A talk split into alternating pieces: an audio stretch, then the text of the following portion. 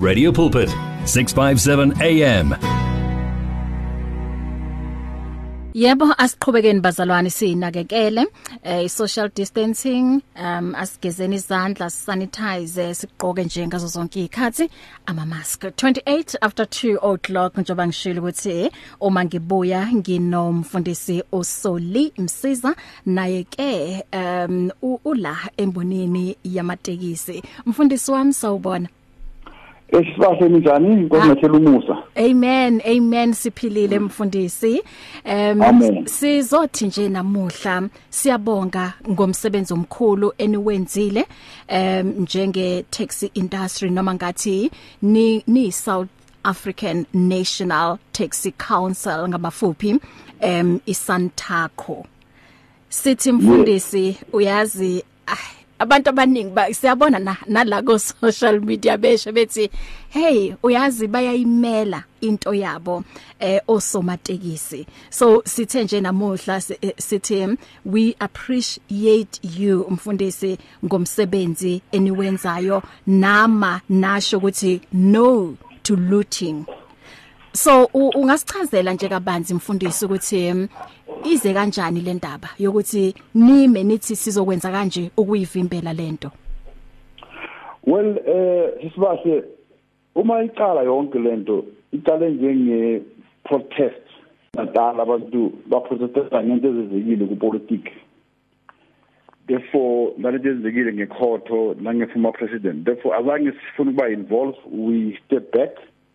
Sithi kuzaba into ye-protest kuphela but then we realize ukuthi no sekukhona okunye okwenzekayo manje okungasahambelani nalento beyishiwo sekuqalwa manje kuyaluthwa sekugene izitolo sikathathwa sekuyabhidlizwa sekwenziwa yonke lento therefore we realize ukuthi this thing is going to affect not only laba benza lento it's going to affect even nathi siyimbona amateksi because abantu abathenga kulama mall abantu abahambiswa yithi eh imisebenzi edalwe abantu abakhamamole emalokishini nasemadrobheni nje nabantu abasebenzako nabantu abathenga amamole is part of our customers. And njengemboni sazi ukuthi umnotho wethu vele bontengantenga ngenxa ye-covid. Sabona ukuthi if singayiyeka le ichubeke sizoba ninkinga ukuthi nathi umuntu ozenge sifuna ukukhokhela ngoba manje sohambisa ubana emsebenzini? Nifike imisebenzi icedwa abantu abafuna ngabe basupport abantu abasebenzako. Therefore our leadership ePulukwane nase Pretoria and Port Elizabeth then they phone us um, around the country which guys we can't just fold arms. This is going to affect us. This is where we started. Then but sikubongayo ukuthi azange bekhona ukuliwa. Abantu bahloniphile nasithi no to looting nasimithi imoto zethu babona ukuthi hayi imbona amateksi bavele babuyile emuva yenze njalo sisibahle yeah. Wow wow mfundisi yazi siyabonga kakhulu and sisaqhubeka sithi no um to looting and thank you so much for standing up together niyimboni uh, to stop people from looting lama shopping complex ngoba kwamanje kuhlupheka thina futhi. Cabanga nje uzofola iline ende um uyothenga isinkwa. So mfundisi sithi nje niqhubekeni nibambe kanjalo.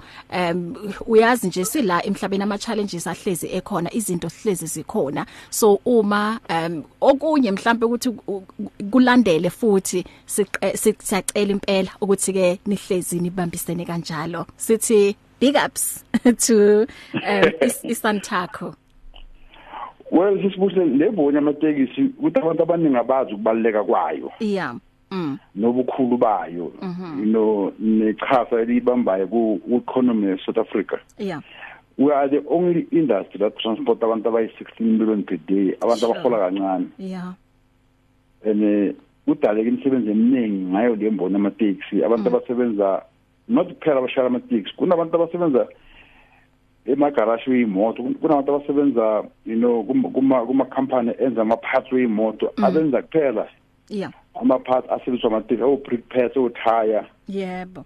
Le industry is worth close to 60 billion that contribute to the GDP of the country. Wow. therefore siyabona ukuthi if le looting ichubeka kanjalo it's going to affect a lot of things you mm, know? mm. siyazi ukuthi abantu abaningi lemboni abayibhekele ekudeni. Babona babona nje un-negative but if you come closer to it you'll yeah. see a lot of positive things. Yebo. You you you know mos ukuthi sometimes unabafundisi sibamemayo era ukuthi bazoshumayela ababuya kule mboni. Yebo. Because le mboni yethu is very uh, christian like you know? Yeah. Therefore but le routine into esifolo azange sifake umhlangano sithi into enjena evele yaba umoya munye in all the structures of the industry mm. from Pretoria Cape Town East London Bloemfontein Mpumalanga so we are well, we are well structured you know imboni yethu ihleleke kahle in mm. terms of protocol therefore mm. kulula ukuhambisa umlayezo ukuthi guys stand up we can't do this i mean etsakani la ngihlala khona umphathi esakana mall awukhohlwa awuyeki ukubonga because abantu bese bafikile nama petrol bomb bazoyibhoma. Mm mm. Fortunately saqhamuka. And azange silwe ngicela abantu bayeke lento mm. you know? mm. Because for me it was also demonic you know? You can't do this. I mean yeah. you can't destroy your own infrastructure. Mm. the, the next thing awusona sinto uthengisa inka labo uthenga khona wena sobhidlizile mm. Isikhala ngemisebenzi imisebenzi ayikho la abasebenza basebamoshela mm. Yeah that is the things and sisibule bahle siyenzile. Ah mfundisi. Okwamanje nathi nathi udumo siyadlulisa sinike sinike somandla ngoba wona sinikeza wisdom namandla. Yep. Nokuhlakanipha asiwazi ukuthatha udumo silezoluthi lo muntu sinika usomandla njengomgcini wethu. Amen amen amen mfundisi. Em bazalwane umfundisi usoli msiza mthole la ku Radio Pulpit every Friday ekseni ngo5 eh ku Radio Pulpit um taxi show. Bese ke uthola impinda yohlelo on Saturday ngo9 ekseni ngithi mfundisi. Yes, hazi ngo9 yes. Ngo9 ekseni yes until half past 9. Mfundisi sithi ibambeni kanjalo and abalaleli bazophinda bahlangane nawe emoyeni on Friday 5 o'clock am. Sibase ngibonga ithuba lokungimela ohlelweni lakho. Bless you. Inkosi thela umusa. Amen. It's here. Radio Pulpit's new website is live. You can tune in at radiopulpit.co.za and enjoy crystal clear sound with just a click of a button or listen to our podcasts. Discover biblical truths in our daily devotionals and let our stories of hope inspire you. You can download our app on this new look easy to use platform. Find your favorite program, get to know our presenters and so much more at radiopulpit.co.za. Radio Pulpit, your daily companion. You and 657 AM and life, a winning team on the road to eternity.